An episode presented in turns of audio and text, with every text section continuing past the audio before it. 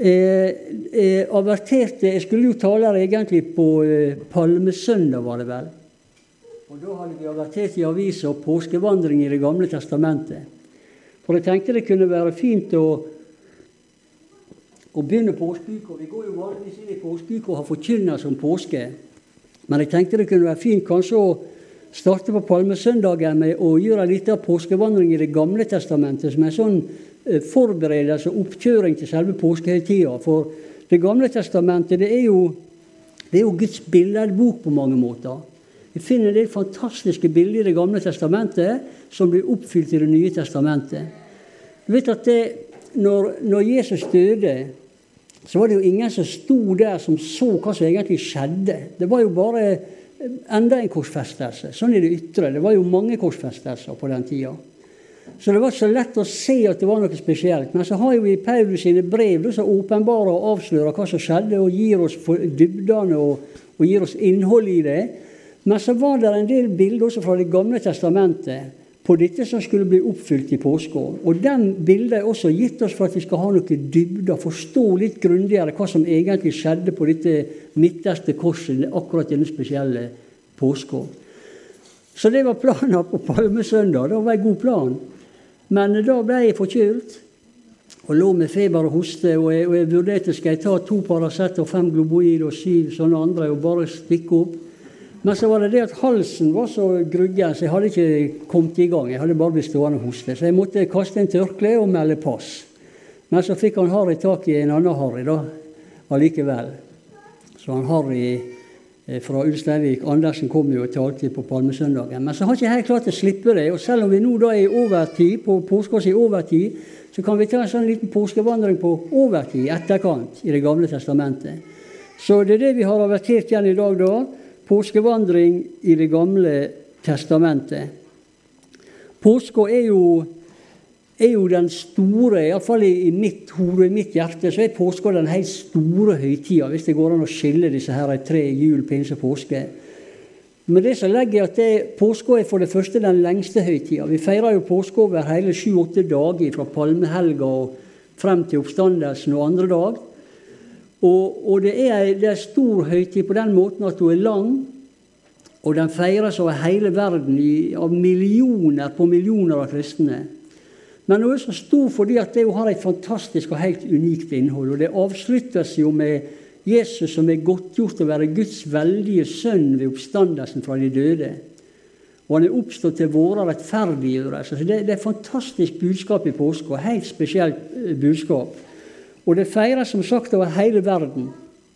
Vi vet vel ikke eksakt hvor mange millioner, men det er trolig noen hundre millioner som feirer påske med bare dette ene for øye. Forsoninga, Jesus som kom, tok syndene våre, skjulte det under blodet, forsont oss med Gud, sto fra de døde, for at vi skulle bli frelst, og for at vi skulle være fri.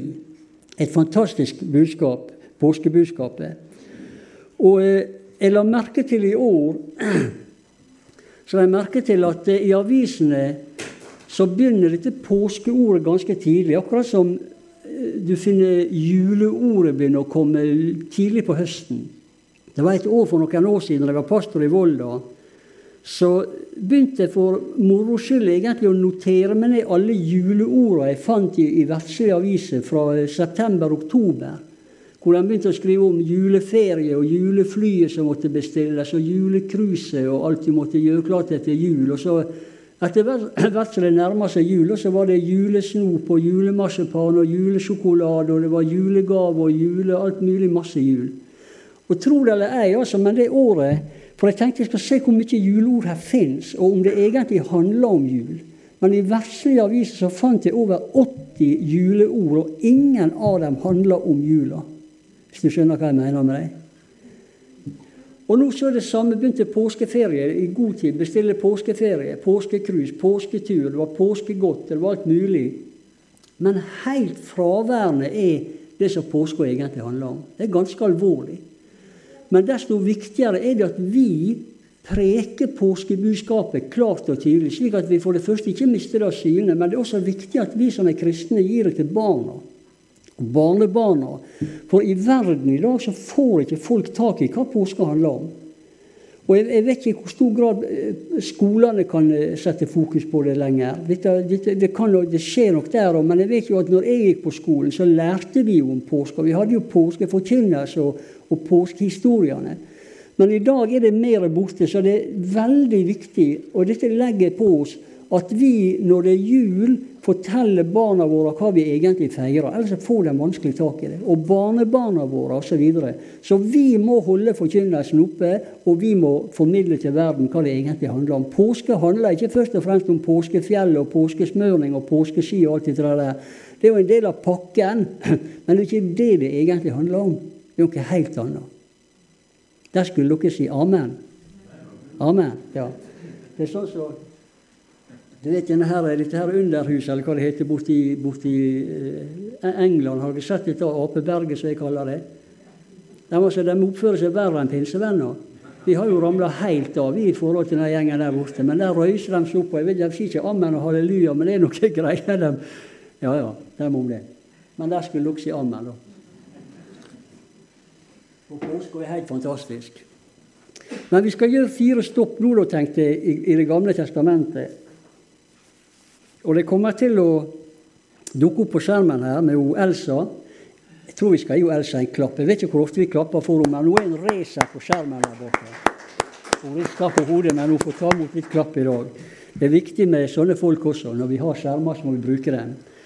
Men hvis vi finner 2. Mosebok 12, da, hvis du har med Bibelen, så må du gjerne følge med og slå opp der også. Vi skal gjøre fire stopp nå, da, hvis tida rekker til til det. Det tror jeg vi skal få til. Fire stopp i Det gamle testamentet. Og det første er andre Mosebok 12. Du kan vente litt med å legge opp, Elsa, men du kan bare finne frem og gjøre klar fra vers nummer 3. Eh, andre Mosebok 12, 3. Men før vi leser det, så har jeg lyst til bare å nevne at det er noe fra oldkirka, fra gammelt, eh, gammelt av, som heter Melitons påskepreken. Er det noen som har hørt det begrepet, Melitons påskepreken? Han Meliton han var eldst i Sardes på, på 100-tallet utover. 160, 170, 180 etter Kristus. Da var han eldste i Sardes. Og han har åpenbart skrevet en påskepreken som var så god at det, at det gikk gjetord om han i, i oldkirka. Og eh, for, for kirkefedre eh, nevner denne fantastiske påskepreken han har. Men den har gått tapt i tida, så den er, den er, forsvunnet i tidens løp. Men det var en veldig bra preken skal det ha vært. Og, og mange har fundert opp gjennom de siste åra hva var det han prekte i denne fantastiske påskepreken sin. Men så ble han funnet igjen i 1930 i Egypt. Og det viser seg at han, hadde påskepreken fra 2. Mosebok 12 om påskelammet og utgangen fra Egypt, som var så fantastisk. Og den er like fantastisk i dag. Og han, hadde, han fulgte opp det samme lyset over dette kapittelet som Jesus og Johannes og, og Paulus gir oss, gir oss, når de snakker om lammet her som et bilde på Jesus. Vårt påskelam er jo slakta. Kristus, ikke sant? Og Johannes som sier seg der Guds lam. Det er, jo, det er jo alt sammen relaterer seg til denne virkeligheten som vi leser nå. Et av Guds fantastiske bilder fra Det gamle testamentet. Så andre Mosebok 12. Jeg tror jeg må ha glasset her, for jeg kjenner at det henger litt tørrhet igjen. Fremdeles. Og da leser vi altså fra tredje verset. Ta til hele Israels menighet og si:" På den tiende dagen i denne måneden skal hver husfar ta seg ut et lam, ett lam for hvert hus. Dersom huset er for lite til et lam, så skal han og hans nærmeste nabo ta ut et lam sammen etter tallet på husfolka, og etter hva enhver eter, skal dere regne folk på hvert lam.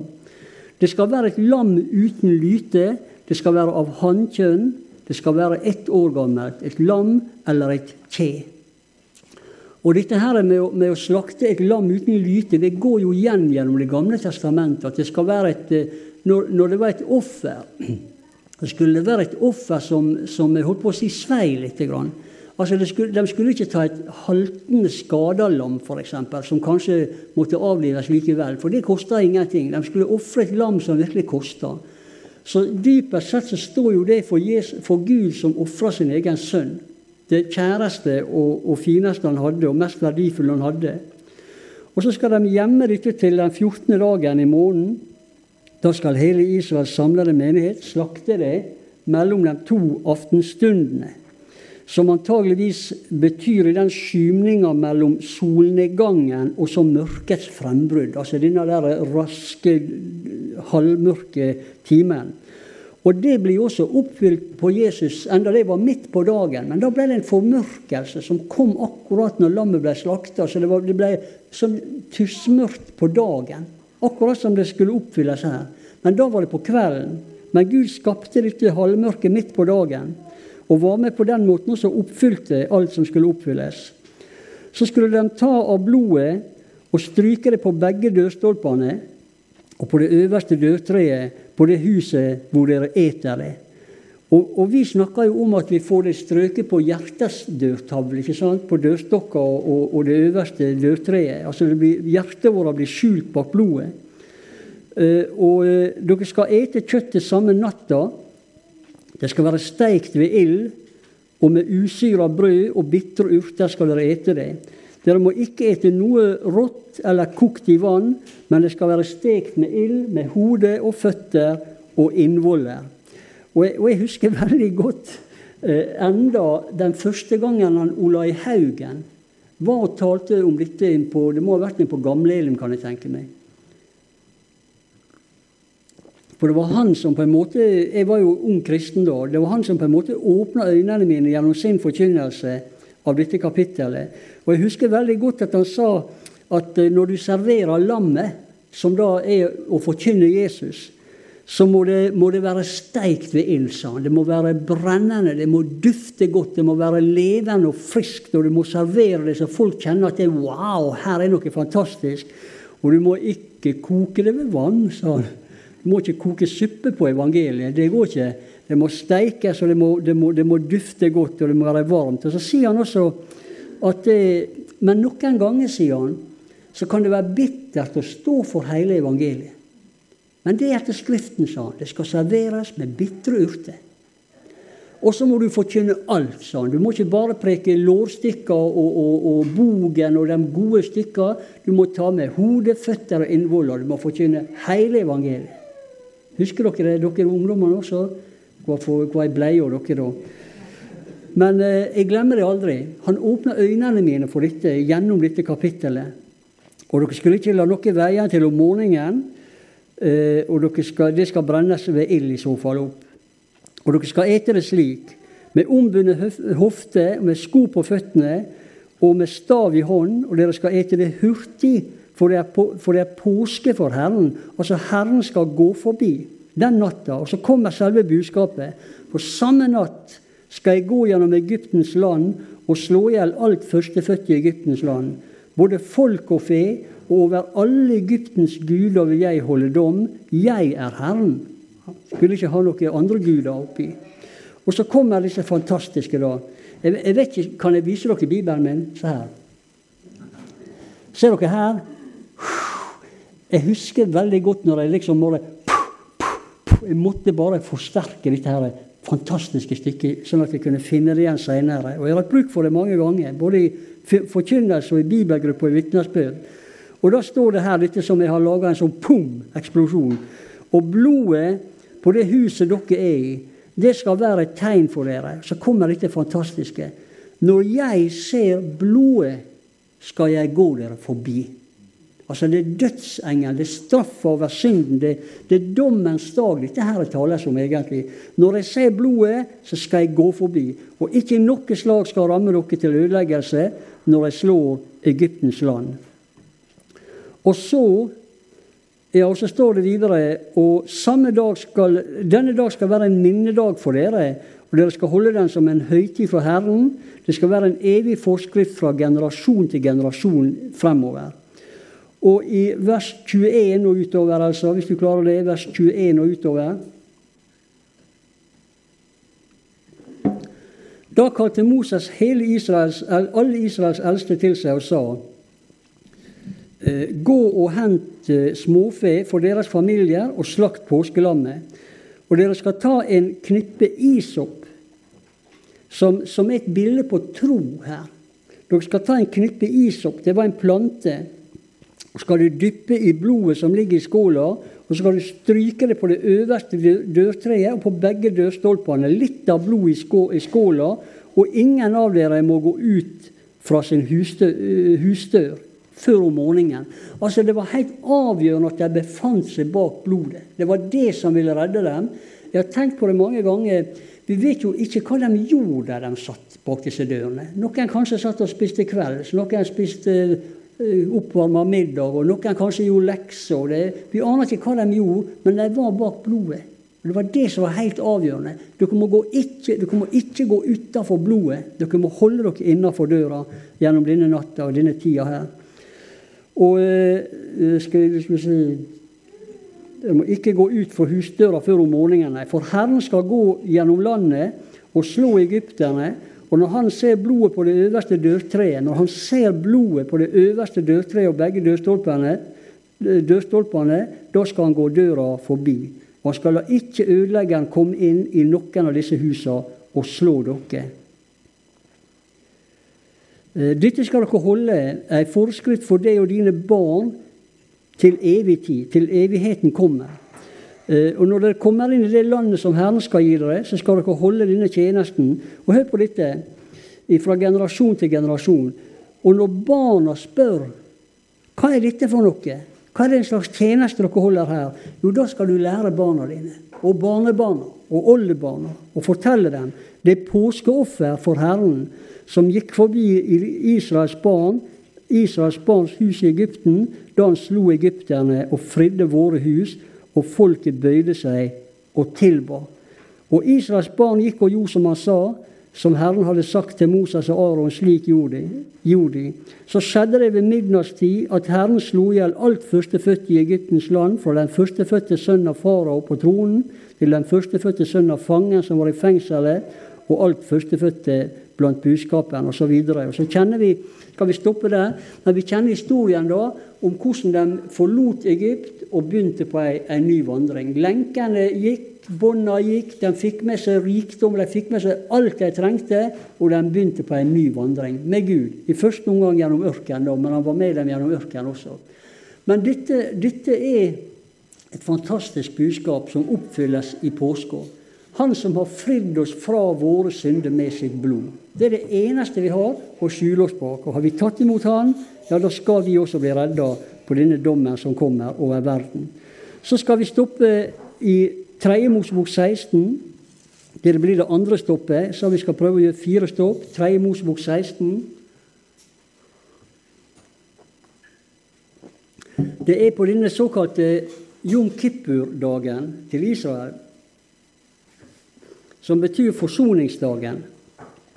Den store forsoningsdagen. Og Vi skal lese her fra vers 2. 3. Mosbok 16, vers 2. Og igjen så er dette et bilde på, på Golgata, på påska, på forsoninga. Herren sa til Moses, ta til Aron, din bror, og si at han ikke til enhver tid må gå inn i helligdommen innenfor forhenget, fremfor nådestolen, som er over arken, for at han ikke må dø. For jeg vil åpenbare meg der i skyen over nådestolen. Det, det har noe med Guds hvitglødende hellighet å gjøre. Som, som, vi som mennesker aldri kan tåle. Vi kan ikke stå levende innenfor Gud i oss sjøl. Men han skulle gjøre noe for å komme inn. Dette skal Aron ha med seg når han går inn i helligdommen. En ung okse til, til syndoffer og en vær til brennoffer. Så skal han kle seg sjøl i hellige underklær av fint lin. Han skal ha beinklær av lin. Han skal på kroppen omgjøre som et belte av lin, han skal binde ei hue av lin på hodet. Dette er hellige klær, og han skal bade legemet i vann før han eh, kler seg i dem. Av Israels barns menighet skal han så få to geitebukker til syndoffer og enhver til brennoffer. Så skal Aron føre frem sin egen syndofferokse og gjøre soning for seg og sitt hus. Og Da først er han klar til å kunne tre inn i denne helligdommen innenfor Guds herlighet.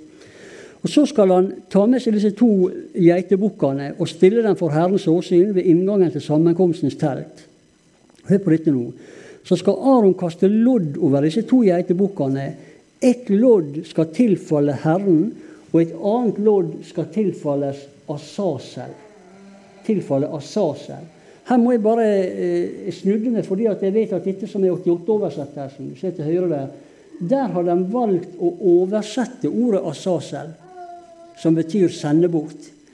Men i den gamle 1930-utgava og i den nye 2011-bibelen og i den danske bibelen og i ikke minst uh, The Complete Jewish Bible, som er oversatt av jøder, messianske jøder, der velger de å la være å oversette ordet Asasel. I de fleste biblene bruker de Asasel, og det er det som er litt av hemmeligheten her. Så jeg tror denne oversettelsen Ja, der fikk du Elsa, altså. Det var bare for vi klappa for henne. Så dere? Det hjalp. Nå kommer det riktig her med en gang. Ett lodd for Herren og ett lodd for Asasel. For ifølge gamle skrifter så var Asasel var ei ond ørkenånd som hadde tilhold ute i ørkenen. Sånn at på den måten så representerer Asasel her djevelen. Og, det står her at det ene offeret, den ene bukken, skal tilfalle Asasel. Og den bukken som med loddet er tilfalt Herren, skal Aron føre frem og ofre til syndoffer. Og så eh, Den bukken som ved loddet tilfalt Asasel, skal stilles levende frem for Herrens åsyn, for at det skal gjøres soning ved den. Og så skal han sende han ut i ørken til Asasel. Og så hopper vi til vers 20 her for, for plassen sin del og for tida sin del. Når han har fullført soninga i helligdommen og for sammenkomstens telt og for alteret, da skal han stille fram den levende bukken, og Aron skal legge begge sine hender på den levende bukks hode og bekjenne over den alle Israels barns misgjerninger og alle deres overtredelser som de har forsyndet seg med, dem skal han legge på bukkens hode. Og så skal den sendes ut i ørkenen med en mann som står klar til det. Og bukken skal, skal, bære alle deres misgjerninger, med seg ut i villmarken, og der skal han slippe bukken løs i ørkenen. Det som jeg tror er hovedpoenget med dette bildet, det er jo for det første selvfølgelig forsoninga som skjer, er jo et bilde når han, når han forsoner hele Israel med Gud, så er det et bilde på at vi forsones med Kristus.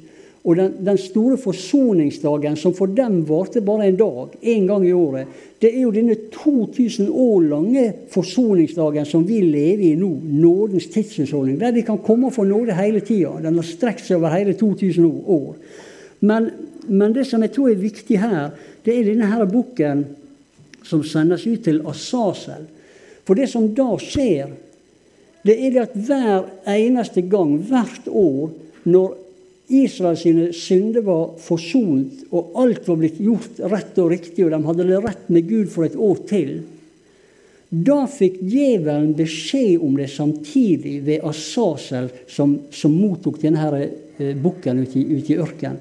Og jeg tror Poenget med dette er at vi skal forstå at det er ikke bare himmelen som kjenner til forsoninga. Djevelen er også vel kjent med forsoninga. Han er vel kjent med at han tapte slaget igjen og igjen og igjen. og igjen. For, for bukken ble sendt ut til, til djevelens ledsager i kirken, som brakte beskjed til djevelen nå har det skjedd igjen. Og hver gang det skjedde, så skjønte han vi har tapt igjen. Og dette oppfylles tror jeg, da, en gang for alle i Kolosserne 2, 15. Jeg bør ikke slå opp på det, på det altså. jeg bare siterer det herifra. Kolosserne 2, 14 og utover. Han utsletta syndbrevet mot oss, skyldbrevet som var skrevet med bud. Det som gikk oss imot, det tok han bort idet han nagla det til korset. Og så står det han avvæpna, maktene. Og her må vi tenke anklagemaktene og anklage myndighetene, og han stilte dem åpenlyst til skue idet han viste seg som seiersherre over dem på korset. Så djevelen vet at han er beseira. Og det gir oss en autoritet de gangene vi må ha med han å gjøre. For han vet at når vi nevner Jesu navn, så må han gå, og han må vike. Og jeg husker de første åra som nyfrelst, så var det viktig å forstå det. fordi at det, det er ofte nyfrelste vi snubler jo i synd. ikke sant? Vi snubler oss jo gjennom livet. Vi blir jo aldri perfekte. Vi, vi, vi snubler oss gjennom livet. Men det er alltid en som vil anklage oss for å få oss på avstand fra Gud. Men når vi går imot Han i Jesu navn, så må han vike. Han må gå, for han vet at han er avslørt og han er avvæpna. Det gir oss en autoritet til å bekjenne seieren mot, mot han Derfor er dette gitt oss for at vi skal forstå at også Asasel har fått beskjed. Himmelen vet det, djevelen vet det, og vi vet det. Det var der dere skulle si det andre ammen. Men det er ålreit, jeg skal si det, så er det gjort. Et fantastisk eh, kapittel. Men vi skal gå til det tredje stoppet, og da skal vi gå til første, Mos, Mos, eh, første kongebok, kapittel 1. Første kongebok, kapittel 1. Og etter hvert Elsa, så kan du få gjøre klar fra vers 50, men du kan vente litt med å legge det opp. Det er interessant å lese disse bildene og, for, og, og se for en omsorg Gud har for syndere. I, I, løpet av den gamle pakt så var det sånn at eh, hvis, du, hvis, du, kom til å forsynde det Og som jeg sa, vi snubla gjennom livet alle. Men da var det sånn at under gitte betingelser så kunne du eh, flykte til en by. For det var sånn at hvis du i vannhvale f.eks. kom til å ta et liv, et, et menneskeliv, så hadde den fornærma familien juridisk rett til å røyse opp en blodhevner. Og han kunne jage det. Og hvis han fant det, så hadde han rett til å ta ditt liv. Det var, det var, sånn øye for øye, tann for tann, liv for liv. Det var det som gjaldt. Det, det var en, en, rettferdig, men en brutal lov. Men, men, Gud klarte ikke å se på dette, for å si det sånn, så veldig lenge, før han oppretta seks byer som denne fortvilte synderen kunne løpe til. Og disse byene kaltes for fristeder. Og da var det sånn at eh, Hvis du hadde forsynda det på denne måten, og du hadde en blodhevner etter det, så kunne du flykte til en av disse byene. da Dem som lå nærmest. De lå litt spredt rundt i landet. Og hvis du nådde inn i den byen før blodhevneren, så måtte han gjøre vennereise og gå hjem. Han hadde mista anklagemakta over det hvis du tok din tilflukt til en av disse seks byene.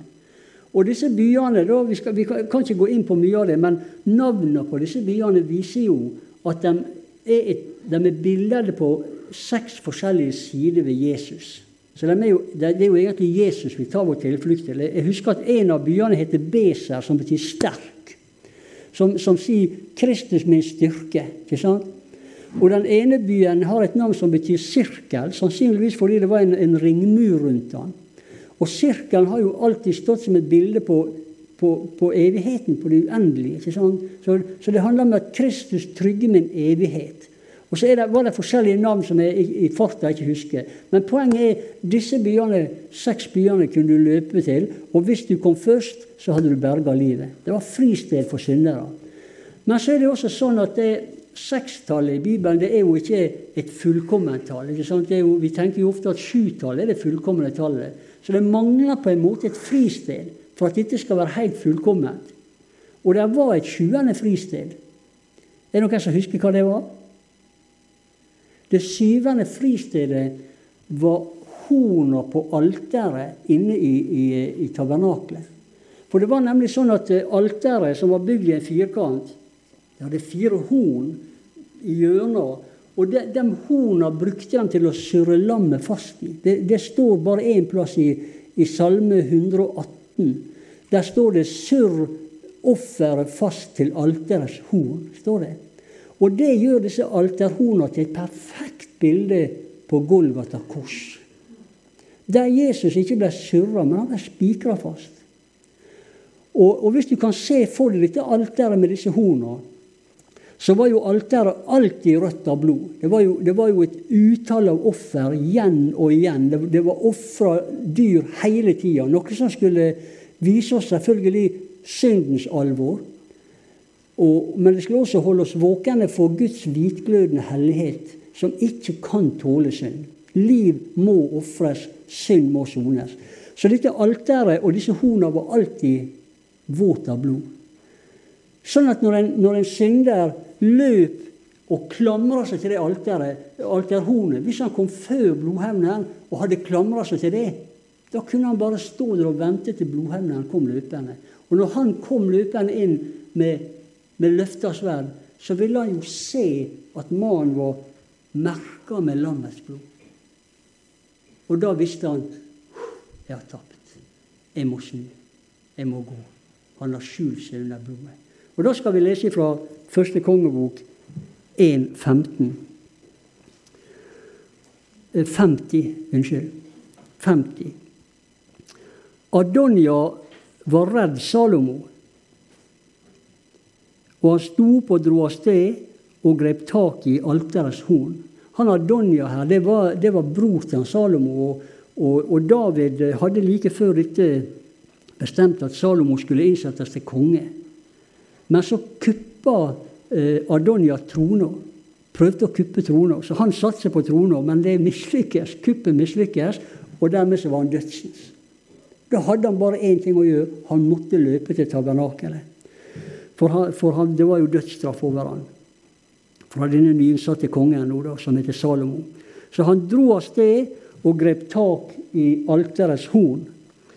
Da ble det meldt Salomo Adonja er redd kong Salomo, og nå har han grepet fatt i alterets horn, og han sier kong Salomo må tilsverge meg at han ikke vil la sin tjener dø for sverdet. For det var det som var den fortjente og rettmessige straffa for dette.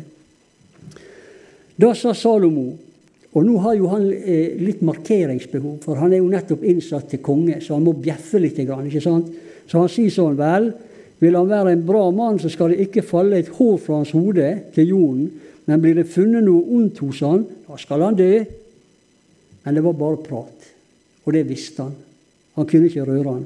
Men så står det da sendte kong Salomo folk av sted, og de førte han ned fra alteret, og han kom og kasta seg ned for kong Salomo. Og Salomo sa til han, gå hjem til ditt hus. Hvorfor måtte de hente han? Hvorfor kunne ikke han bare sende fem mann av gårde og si vel, har han tatt tak i alterhornet, så sender han igjen? Nei, han ville se at han var merka med lammets blod. Og når han så blodet, så skjønte han jeg har tapt. Sånn er det å ha grepet tak i korset og klamra seg til Jesus. Vi er dekt under forsoningsblodet, og anklageren må slippe, og han må gå i Jesu navn. Det var tredjeplassen dere skulle si. Amen. Så går vi til det siste. Fjerde Mosebok 21, altså. Og dette er jo kanskje det enkleste og kanskje det fineste av dem alle, disse fine bildene. Det enkle er ofte det beste, heter det. Og Dette her er under vandringa i ørkenen. 4. Mosebok 21 fra vers 6 om en liten stund. Dette er under vandringa gjennom ørkenen. Og pga. spesielle omstendigheter her også, da, så står det plutselig det sjette verset her. 4. Mosebok 21,6.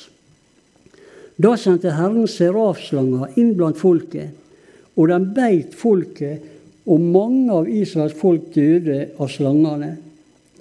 Så står det i parentes i, i denne bibelen min her at det var brennende, eh, brennende giftige slanger. Og når vi ser hvordan, eh, hvordan, Jesus omtaler dette, som vi skal komme til, så skjønner vi at denne gifta egentlig er et bilde på synd. Det, det var jo gift. Det var, det jo fysisk oppfylt sånn. Der folk ble syke, og de ble helbreda. Men det er et dypere bilde her når vi hører Jesus legge det ut. Og Da forstår vi at denne giftige, eh, eh, denne brennende gifta er et bilde på synden. Eh, på samme måte som når gifta kom inn i kroppen deres, så var de egentlig dødsens. De hadde ingen mulighet til å overleve. På samme måte er det med synden i livet vårt. Syndens lønn er døden. Og vi kommer ikke unna. Men da kommer folket til Moses og roper og klager, selvfølgelig. Og det hadde jo vi gjort da. Og sier vi har synda. De har talt mot Herren og mot det. Så de bekjenner rett og slett synda si i denne situasjonen. Be til Herren om at han må ta slangene bort fra oss. Og Moses gjorde som folket sa. Så de ba egentlig Gud om å fjerne slangene. Men det er ikke det han gjør. Eh, og synden blir jo heller aldri borte fra verden på denne sida av tusenårsriket. Da sa Herren til Moses.: Nei, lag en serafslange og sett den på ei stang så skal det gå sånn at hver den som blir bitt, på han, bitt av slangen, og ser på, på, den, han skal få leve. Og hun, selvfølgelig. Da lagde Moses en kobberslange og satte den, på, den på en stang. Og hver gang en slange hadde bitt noen, og han så på kobberslangen, ble han i live. Og så sier Jesus da i uh, Matteus, han, han gir jo, nei, i Johannes Han gir jo Sakkeus, unnskyld, Nikodemus en, en, en, undervisning i dette skriftstedet her, som han sikkert ikke hadde sett. Og Så sier han sånn, på samme måte som Moses opphøyde slangen i ørkenen, slik skal menneskesønnen opphøyes, for at hver den som tror på Han, skal ha evig liv. For så har Gud elsket verden, at Han ga sin sønn den enbårne, for at hver den som tror på Han, ikke skal gå fortapt, men ha evig liv. For Gud sendte ikke sin sønn til verden for å dømme verden, men for at verden skulle bli frelst ved Han. Den som tror på Han, blir ikke dømt. Den som ikke tror, er allerede dømt. Den som ikke tror, er allerede dømt. Og dette tar oss jo tilbake til dette som skjer i, i Fjerde Mosebok her. Hvor, Moses da løfta opp en slange, sannsynligvis i senter av leiren. Leiren var jo, var jo kjempediger, lå utover sanddynene her i et enormt format.